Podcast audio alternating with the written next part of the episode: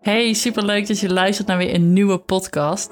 Mijn naam is Lieke de Bever. Ik ben voeding en mindset coach en ik weet dat iedereen gebaat is bij een fittere en een gezondere leefstijl. En ik weet ook dat dat voor jou waarschijnlijk betekent dat je betere voedingskeuzes moet maken. Dat doe je door te werken aan een sterkere mindset. En in deze podcast ga ik je daarbij helpen om dus die sterkere mindset in relatie tot voeding te kunnen creëren. In een wereld waarin tijd en aandacht heel schaars zijn, wil ik je nu alvast bedanken dat je de tijd hebt genomen om deze podcast te luisteren. Ik zou zeggen, heel veel plezier. Leuk dat je weer luistert naar een nieuwe podcast. Ik heb weer uh, wat leuks te vertellen. En ik zat eraan te denken om dit uh, misschien op Instagram Stories te posten of er een mailtje aan te wijden. Dat laatste leek me vervolgens niet zo'n heel goed idee. Um, en dat ga ik je zo even toelichten. Maar toen dacht ik, dat wordt zo'n uitgebreid verhaal en dat worden 185 Instagram stories. Ik kan het eigenlijk net zo goed even als een podcast opnemen. En um, ja, dat vind ik eigenlijk zelf ook wel net zo informatief. En ik denk dus dat jullie er heel veel van kunnen leren. En op deze manier blijft die ook beter bewaard. Want als je het hebt over content maken, dan is Instagram Stories uh, altijd weer zo vluchtig en dat gaat ook weer weg. Dus dit is eigenlijk wel een hele mooie vorm. Dus ik ben er maar eens eventjes voor gaan zitten. En nou ja, de reden dat ik uh, deze podcast graag wilde maken is omdat ik van de week een mailtje kreeg. En dat was naar aanleiding van iemand die mijn masterclass had gezien over de invloed van suiker op je lichaam en mindset. Als je die nog niet hebt gezien, um, die moet je dan echt ook een keer uh, gaan volgen, want daarin vertel ik heel veel over wat suiker met je lijf doet en welke impact het dus echt op je heeft. Uh, zowel functioneel gezien als ook op je mindset en je hele mentale gezondheid. En die masterclass bied ik overigens uh, gemiddeld één keer per maand ongeveer aan. Dus stuur me zeker een berichtje als je daar een keer bij wilt zijn. Nou, in die masterclass had ik dus gegeven. En nadat ik die masterclass geef, ontvangen mensen een aantal e-mailtjes van mij waarin ik ze ook nog wat meer inlicht over suiker. En onder andere stuur ik ze dan de blog die ik eerder heb geschreven op mijn website over babykoekjes. En ik geloof dat de titel van die blog luidt: Kies bewust eet een tompoes in plaats van een babykoekje, zoiets. Um, en die mail of die blog heb ik eigenlijk geschreven naar aanleiding van een artikel of een uitzending, geloof ik, van de Keuringsdienst van Waarde, waarin zij doken in het hele babykoekjes assortiment om daar eens even het een en ander bloot te leggen over het gebruik van suikers. En daar is toen ook een artikel over geweest en zo. En dat heeft best wel voor wat ophef gezorgd. En ik moet ook eerlijk zeggen dat ik tot die tijd me nog niet zo heel erg bewust was van deze categorie. Deels omdat ik daar zelf nog niks te zoeken heb. Uh, maar anderzijds ook omdat ik er, ja, misschien wel om die reden dus ook nooit echt ingedoken was. En toen werd dat me ineens wel duidelijk dat dat dus ook wel eigenlijk een hele bijzondere categorie is. Waarin nogal misbruik wordt gemaakt uh, door de voedingsmiddel producenten op de koopkracht van consumenten en op, weet je, het hele mensen wat proberen te verkopen omdat daar geld te verdienen is. Zeker omdat we onze baby's en kinderen natuurlijk het allerbeste gunnen. En daar wordt gewoon op ingespeeld. En dat heeft dus best wel mijn ogen geopend op dat vlak. En toen dacht ik, hey, dit is best wel smerig eigenlijk. En toen heb ik daar ook een, eh, een, blog over geschreven waarin ik het een en ander naast elkaar zet. Ook om dat nog wat, uh, wat meer op te helderen. En ook voor anderen om inzicht te krijgen in hoe je nu eigenlijk labels leest. Weet je, hoe je dit probleem eigenlijk zelf ook gaat herkennen. Om er dus vervolgens ook in de toekomst in de supermarkt zelf wat mee te kunnen doen. Nou, en die mail had ik dus verstuurd. En daar kreeg ik van de week een reactie op. En in eerste instantie las ik die mail. En daarin werd eigenlijk geschreven dat ik een te kort door de bocht conclusie had getrokken en dat mijn blog niet juist was. En in eerste instantie greep me dat heel eventjes aan, omdat ik dacht, oh, hè, weet je, heb ik het dan... Nou, dat, dat, trok ik gewoon wel heel eventjes persoonlijk aan ook, omdat ik dacht dat ik dus misschien mogelijk iets verkeerd had geïnterpreteerd of gelezen of, weet je, nou, iedereen maakt natuurlijk fouten. Dus ik dacht, oh, misschien heb ik dus toch iets over het hoofd gezien, ik noem maar wat. Alleen hier zit dus al een eerste hele belangrijke les ook, die ik jullie heel graag mee wil geven.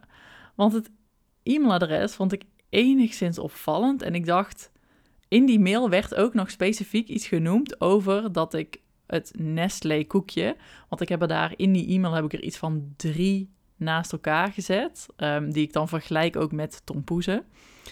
En daarin stond er dus één van het merk Nestlé en twee nog van andere merken. En toen werd er ook iets gezegd in die e-mail over dat koekje Nestlé, waarin ik eigenlijk dus te snel een conclusie had getrokken of niet helemaal de juiste informatie meegaf. Nu kwam Nestlé ook wel bijzonder slecht uit de bus, moet ik eerlijk bekennen. Dus dat daar uh, de link naar getrokken werd, dat kon ik dan ook nog wel begrijpen. Maar toen kwam de aap uit de mouw. En dat was toen ik dus ging kijken naar het e-mailadres, waarbij dus bleek dat iemand van Nestlé mijn masterclass had gezien en dus ook deze e-mail had ontvangen. En toen viel alles ook weer enorm op zijn plek natuurlijk. Want toen dacht ik, aha, wacht. Want wat is hier gebeurd? Die vrouw heeft in dit verhaal mijn mail gelezen, heeft gezien dat ik daar een niet zo hele positieve conclusie trek over de koekjes van Nestlé. Zij werkt natuurlijk voor dat bedrijf. Mogelijk zit zij ook nog eens op de afdeling die verantwoordelijk is, ofwel voor die koekjes of voor de marketing ervan, of in ieder geval daar financieel voordeel uithalen. En die leest natuurlijk dit. Dus ja, die voelt zich misschien zelfs ook wel deels een heel klein beetje aangevallen. Of die ziet in ieder geval dat ik daar geen goede woorden voor over heb en dat, dat hun bedrijf in ieder geval niet ten goede komt. En dat is dus al een eerste hele belangrijke les. En ik probeer dat best wel vaak ook mee te geven aan je in meerdere van mijn podcasts, waarin ik altijd zeg van hey, kijk in eerste instantie naar wie verspreidt welke informatie en wat is het belang van die persoon die dat met je deelt. Want natuurlijk gaat de schrijver van een boek over intermittent fasting jou alleen maar vertellen dat daar voordelen aan zitten. En mogelijk zijn boek nog aanprijzen ook. Mogelijk gaat iemand die een koolhydraatarm dieet uh, promoot en daar uh, centen mee verdient, jou natuurlijk ook vertellen dat je koolhydraatarm moet gaan eten. De positie van de persoon die jou advies geeft, zegt heel veel over het type advies wat je gaat krijgen. En hierbij dus werd ik gewoon heel even in twijfel gebracht, omdat ik later pas erachter kwam dat dat dus iemand was van Nestlé. En het feit dat ik natuurlijk dat koekje in een soort van negatief daglicht zette, wakkerde daar wat aan, waardoor daaruit de verdediging kwam. En toen dacht ik, oké, dit is interessant. En daar wil ik graag even inhoudelijk op reageren. Dus ben ik natuurlijk gaan kijken wat zij schreef dat ik mogelijk verkeerd had uh, geïnterpreteerd en daarmee dus ook verkeerd gecommuniceerd naar buiten. En dit is eventjes helemaal los van die persoon die mij die mail heeft gestuurd. En dit is in geen enkel opzicht een persoonlijke aanval. Dit is ook uh, in geen enkele opzicht bedoeld, zeg maar, als een soort van statement naar dat bedrijf of wat dan ook. Ik wil het enkel als voorbeeld gebruiken, zodat jij ervan kan leren en jij er in de toekomst ook op jouw manier weer je lessen uit kunt halen. En omdat ik het in zijn algemeen wil gebruiken om iets te vertellen over hoe de voedingsmiddelenindustrie omgaat met het gebruik van ingrediënten om jou om de tuin te leiden. En nogmaals, dit is dus eventjes een voorbeeld van dit merk met uh, deze persoon die daar in de aanleiding was om jullie hierover te gaan vertellen. Maar het is in geen enkel, uh, in, geen enkel opzicht is het indirect naar hun bedoeld of, of wie dan ook. Eigenlijk uh, in dat opzicht is het wat mij betreft één pot nat. Dus dat wil ik in ieder geval als disclaimer nog even vermeld hebben. En zij noemde dus daarin dat ze zei van hey, in jouw blog schrijf je over de hoeveelheid waarvan suikers. En dat moet ik ook even aan je toelichten. Op het moment dat je naar een voedingsmiddel gaat kijken en je draait dat om en je kijkt op de achterkant, dan zie je natuurlijk de voedingswaardetabel. En je hebt vast en zeker al wel eens ooit gezien dat er dan staat um, vetten, eiwitten, koolhydraten. En dan bij koolhydraten staat er zo'n regeltje onder dat er staat waarvan suikers. En dat leidt al vaak genoeg tot best wel wat verwarring. Want ook als je denkt dat een product suikervrij is, dan staat er toch waarvan suikers op, weet je? En hoe zit dat dan eigenlijk precies? Zit daar dan ook suiker in? En zij kwam dus met de opmerking dat ze zei van... hey, in dit blog wat je schrijft, leg je al die koekjes naar elkaar, naast elkaar... maar kijk je alleen maar naar de waarvan suikers. Oftewel, ik keek letterlijk naar dat woord suikers op de voedingsmiddelen tabel eigenlijk. En ik, ik legde ze daarin naast elkaar om te kijken van welke heeft er dan het meeste. En toen zei zij, en terecht ook, niet alle waarvan suikers betekent dat dat toegevoegd tafelsuiker is, om het zo maar heel even te noemen. En ik noem dat dus even tafelsuiker, omdat ik het dan heb over sucrose. Nou, sucrose, dat is eigenlijk echt nou, het toegevoegde, de witte suiker, zoals we hem kennen als suikerklontjes, die aan producten wordt toegevoegd om het dus lekkerder, uh, zoeter en uh, ja, onze bekende smaken te geven. Dus de chocolade, de koekjes, nou, al dat soort producten met toegevoegde suikers. Dat is de sucrose. En zij zei dus ook van, weet je, alle vormen van suiker moeten onder de waarvan suikers vallen, maar niet alle vormen van suiker zijn toegevoegde suikers. Nou, dat snap ik ook volledig. En zover was ik natuurlijk ook al wel. Want daaronder vallen dus ook onder die waarvan suikers de natuurlijke suikers. En dan hebben we het dus over de lactose, de melksuiker die van nature in zuivel aanwezig is, maar ook fructose. En fructose is fruitsuiker. Dus ook op een pak sinaasappelsap zie je waarvan suiker en daar dan een nummer bij staan. En dan denk je, zit daar dan suiker in? Daar zit suiker in omdat het fructose is, wat van nature aanwezig is in de sinaasappel. Dus ja, ook dat valt onder het kopje suikers. En dus ook als je het hebt over de verpakking met koekjes. En toen zei zij dus wederom heel terecht: je moet wel altijd ook naar de ingrediëntenlijst kijken. Om te kunnen bepalen hoeveel van die waarvan suikers dan daadwerkelijk ook slechte suikers zijn, om het zo maar heel even te noemen. Ik wil je niet uh, te veel zwart-wit, slecht en, uh, en gezond uh, gebruiken, maar je snapt heel even dat dat het makkelijkste woord is in relatie tot toegevoegde suikers. De suikers waar in ieder geval je lichaam niet zo heel veel baat bij heeft. En dat klopt wat ze zegt. Want ja, je hebt naar de ingrediëntenlijst te kijken om te zien van hey, zit er toegevoegd suiker of is dit volledig natuurlijk suiker? Maar daar kwam dus het interessante punt. In relatie tot die koekjes waar we het dus over hebben, had ik het dus even heel kort door de bocht gewoon suikers genoemd. En in feite heb ik het daarmee niet mis, want die Nestlé bevatten dan misschien wel nagenoeg geen toegevoegde suikers. Maar wat gebeurt er tegenwoordig?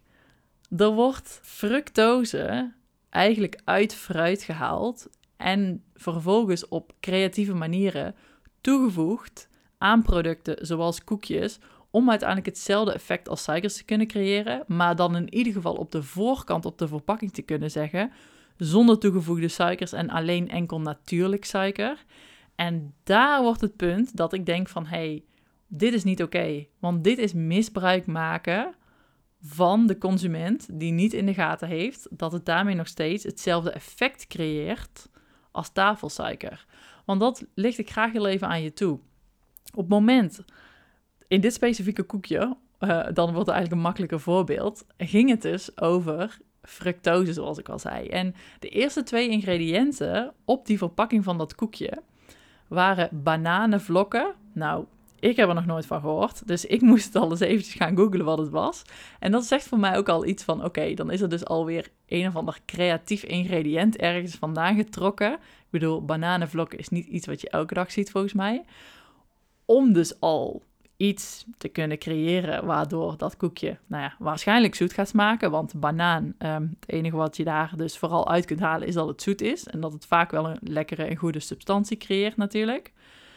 Maar bananenvlokken, dan is het hele romige en het smoothe en het zachte is er wel af. Dus wat hou je dan nog over? Nou, waarschijnlijk het zoete van de banaan. En vervolgens was het tweede ingrediënt op die lijst appelsapconcentraat. En dat is dus een hele interessante, want appelsapconcentraat, dat lichtte ik ook toe in die blog, dat is eigenlijk niets anders dan het sap van een appel. Nou, een appel bevat van zichzelf natuurlijk de schil, het vruchtvlees, het klokhuis um, en dan natuurlijk ook de vitamines en mineralen die erin zitten. Waaronder natuurlijk ook het fruitsuiker, wat natuurlijk ook in het water of het vocht van die appel zit en eigenlijk met name zich daar um, houdt. Alleen je hebt dan natuurlijk ook de vezels uit het vruchtvlees, eh, de vezels uit de schil, waar ook dus heel veel waardevolle voedingsstoffen in zitten. En door het eten van die volledige appel, door daar echt letterlijk ook op te kauwen, door dat te verwerken, doordat je al die vezels ook mee eet in het eten van die appel, maakt dat dat suiker dat aanwezig is in die appel gewoon wel op een goede manier opgenomen wordt in je lijf. En dat wil eigenlijk zeggen dat het op die manier langzamer verteerd wordt, omdat het ook met al zijn vezels komt en met die schil, wat het lichaam ook moet verwerken voordat die fruitsuikers zeg maar helemaal op kan nemen in de bloedbaan en het daar dus als glucose gaat dienen. Maar op het moment dat je het dus hebt over appelsapconcentraat, wat heb je dan uiteindelijk? Nou, dan heb je dus het sap van die appel. Dan is al het schil en de vruchtvlees en alle pulp, zeg maar, de vezels, die zijn er allemaal uit. En dan hou je eigenlijk een helder uh, sap over. Eigenlijk ook zoals je dat wel kent uit de supermarktverpakkingen. En wat is appelsap natuurlijk? Dat is alleen het sap. Dus dat is letterlijk water met het fruitsuiker wat aanwezig is van de appel. Dat is die combinatie. Maar wat is dan geconcentreerd appelsap? Ja, dan is het geconcentreerd, wat eigenlijk enkel betekent dat het water eruit wordt gehaald, waardoor de concentratie hoger is en de hoeveelheid dus minder. En wat hou je dan nog over? Dan hou je alleen nog de suikers over die in die appel aanwezig waren, maar in enkel de suikervorm. Snap je? Al het andere is ervan ontdaan. Echt letterlijk al het andere. Dus dan heb je gewoon puur de fructose nog over.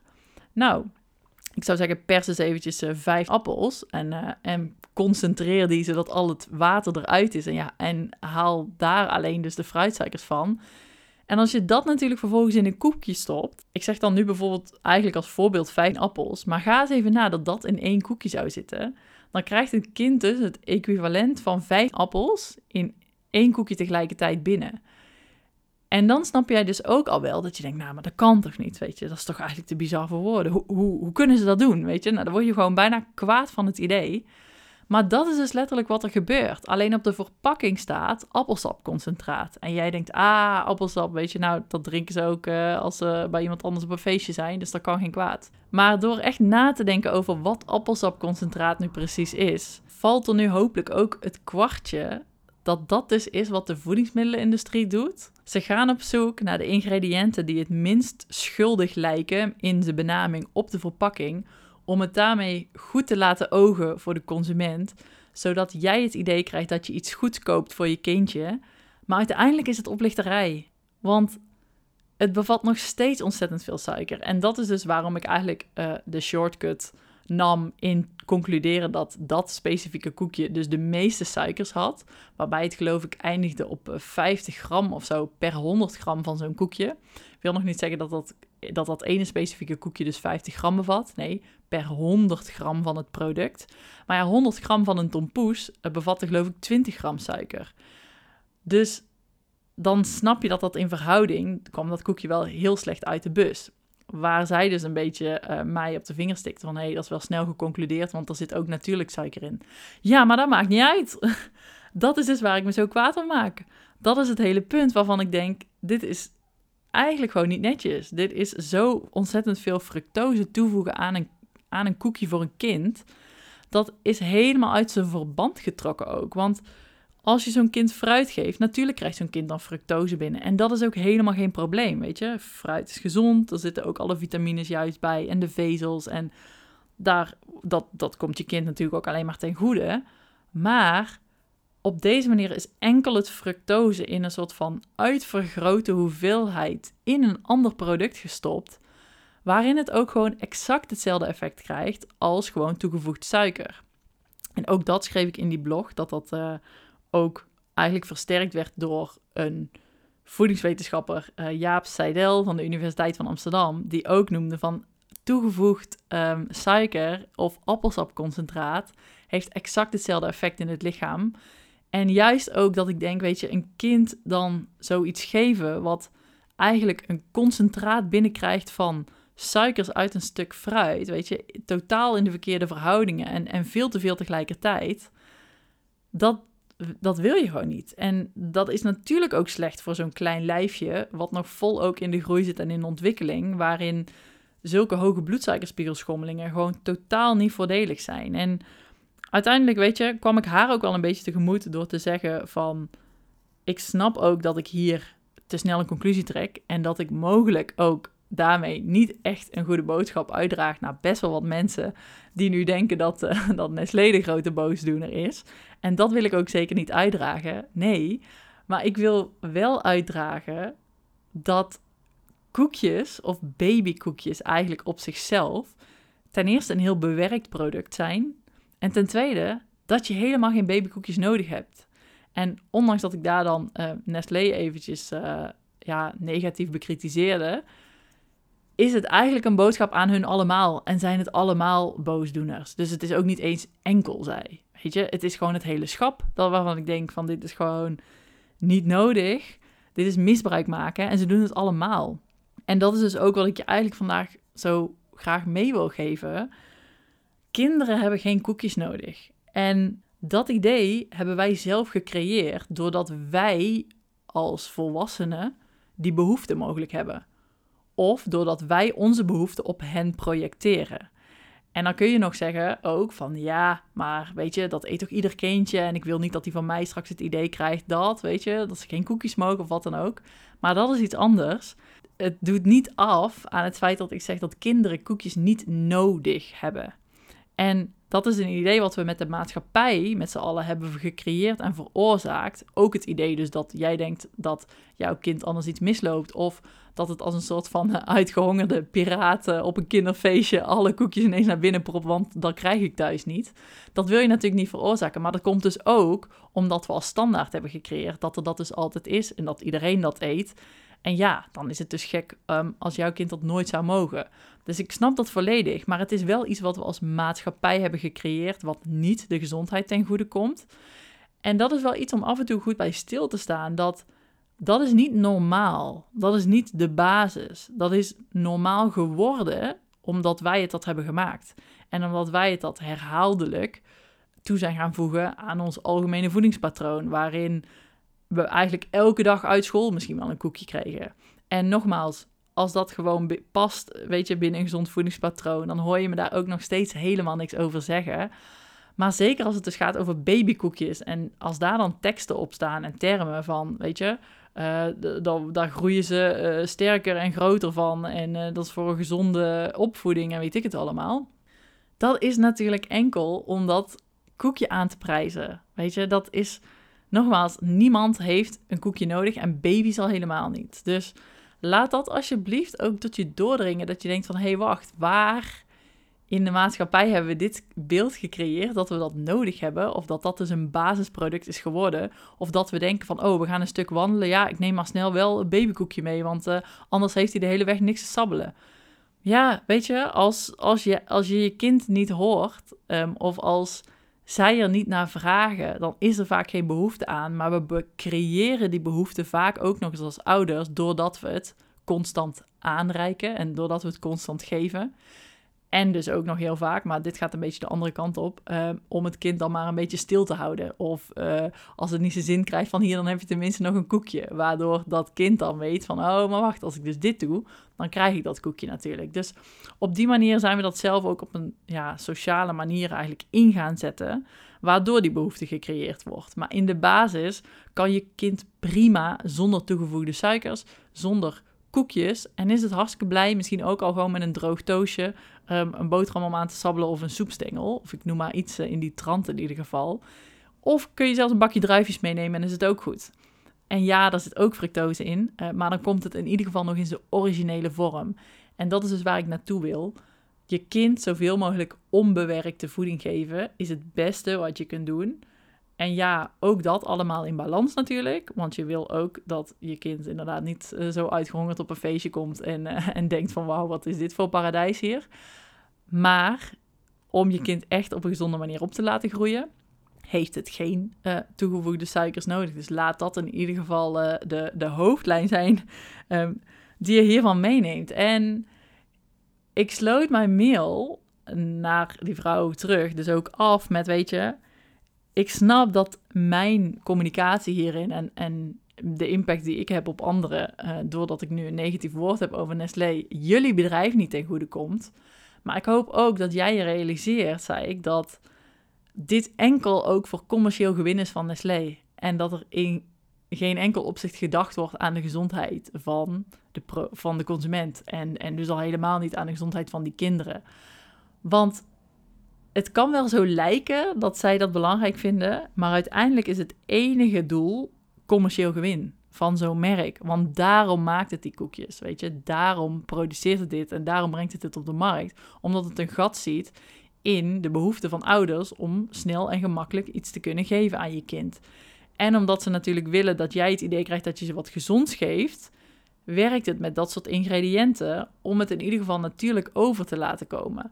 Maar als dat het koekje te duur zou maken, stel nu dat er een heel veel gezondere ingrediënt was, dan wordt dat koekje niet uitgebracht, want dan wordt er geen winst gemaakt.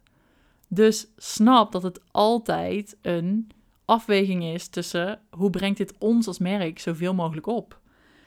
En wat ik daarin ook zei, is dat dit soort producten zijn de oorzaak van een steeds groter wordend welvaartsprobleem. En dat probleem dat heet bewerkte voeding met natuurlijke ingrediënten voor marketingdoeleinden.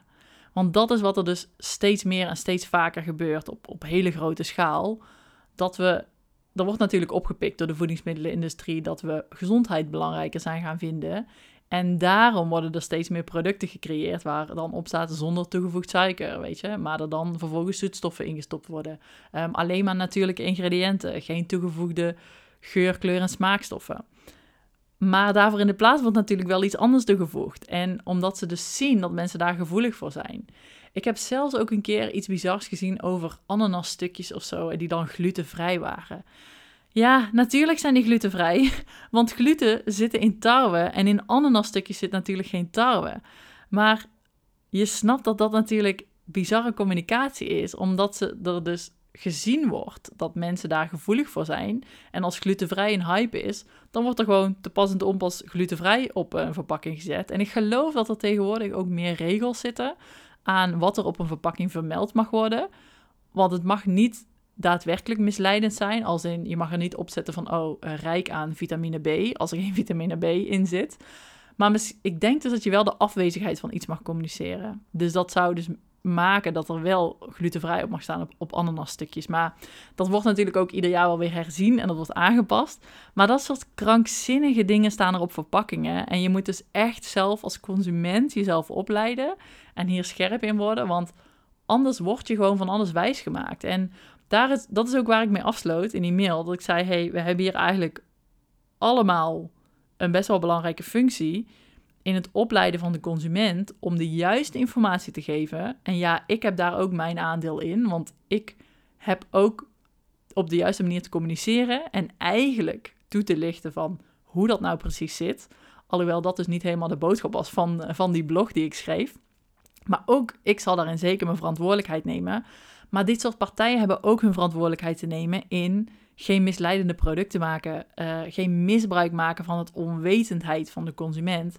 Want ja, daardoor wordt dit probleem uh, alleen maar groter, waarin we steeds meer welvaartsziekten creëren, omdat we met z'n allen massaal te veel bewerkte producten aan het eten zijn, waar we ook nog eens gemakkelijker van overeten, omdat dat is wat die producten ook gemakkelijker eigenlijk creëren.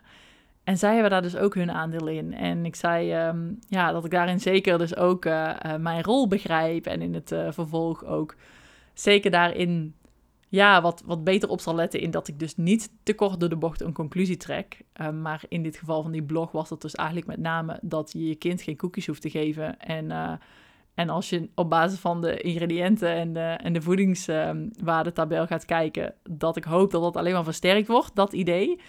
Wat uiteindelijk geen enkel van die merken ten goede komt. Ehm, dus de eindconclusie blijft hetzelfde. En ja, ik trok daarin uh, iets te snel de lijn door te zeggen van ja, er zit uh, eh, 50 gram suiker per 100 gram in.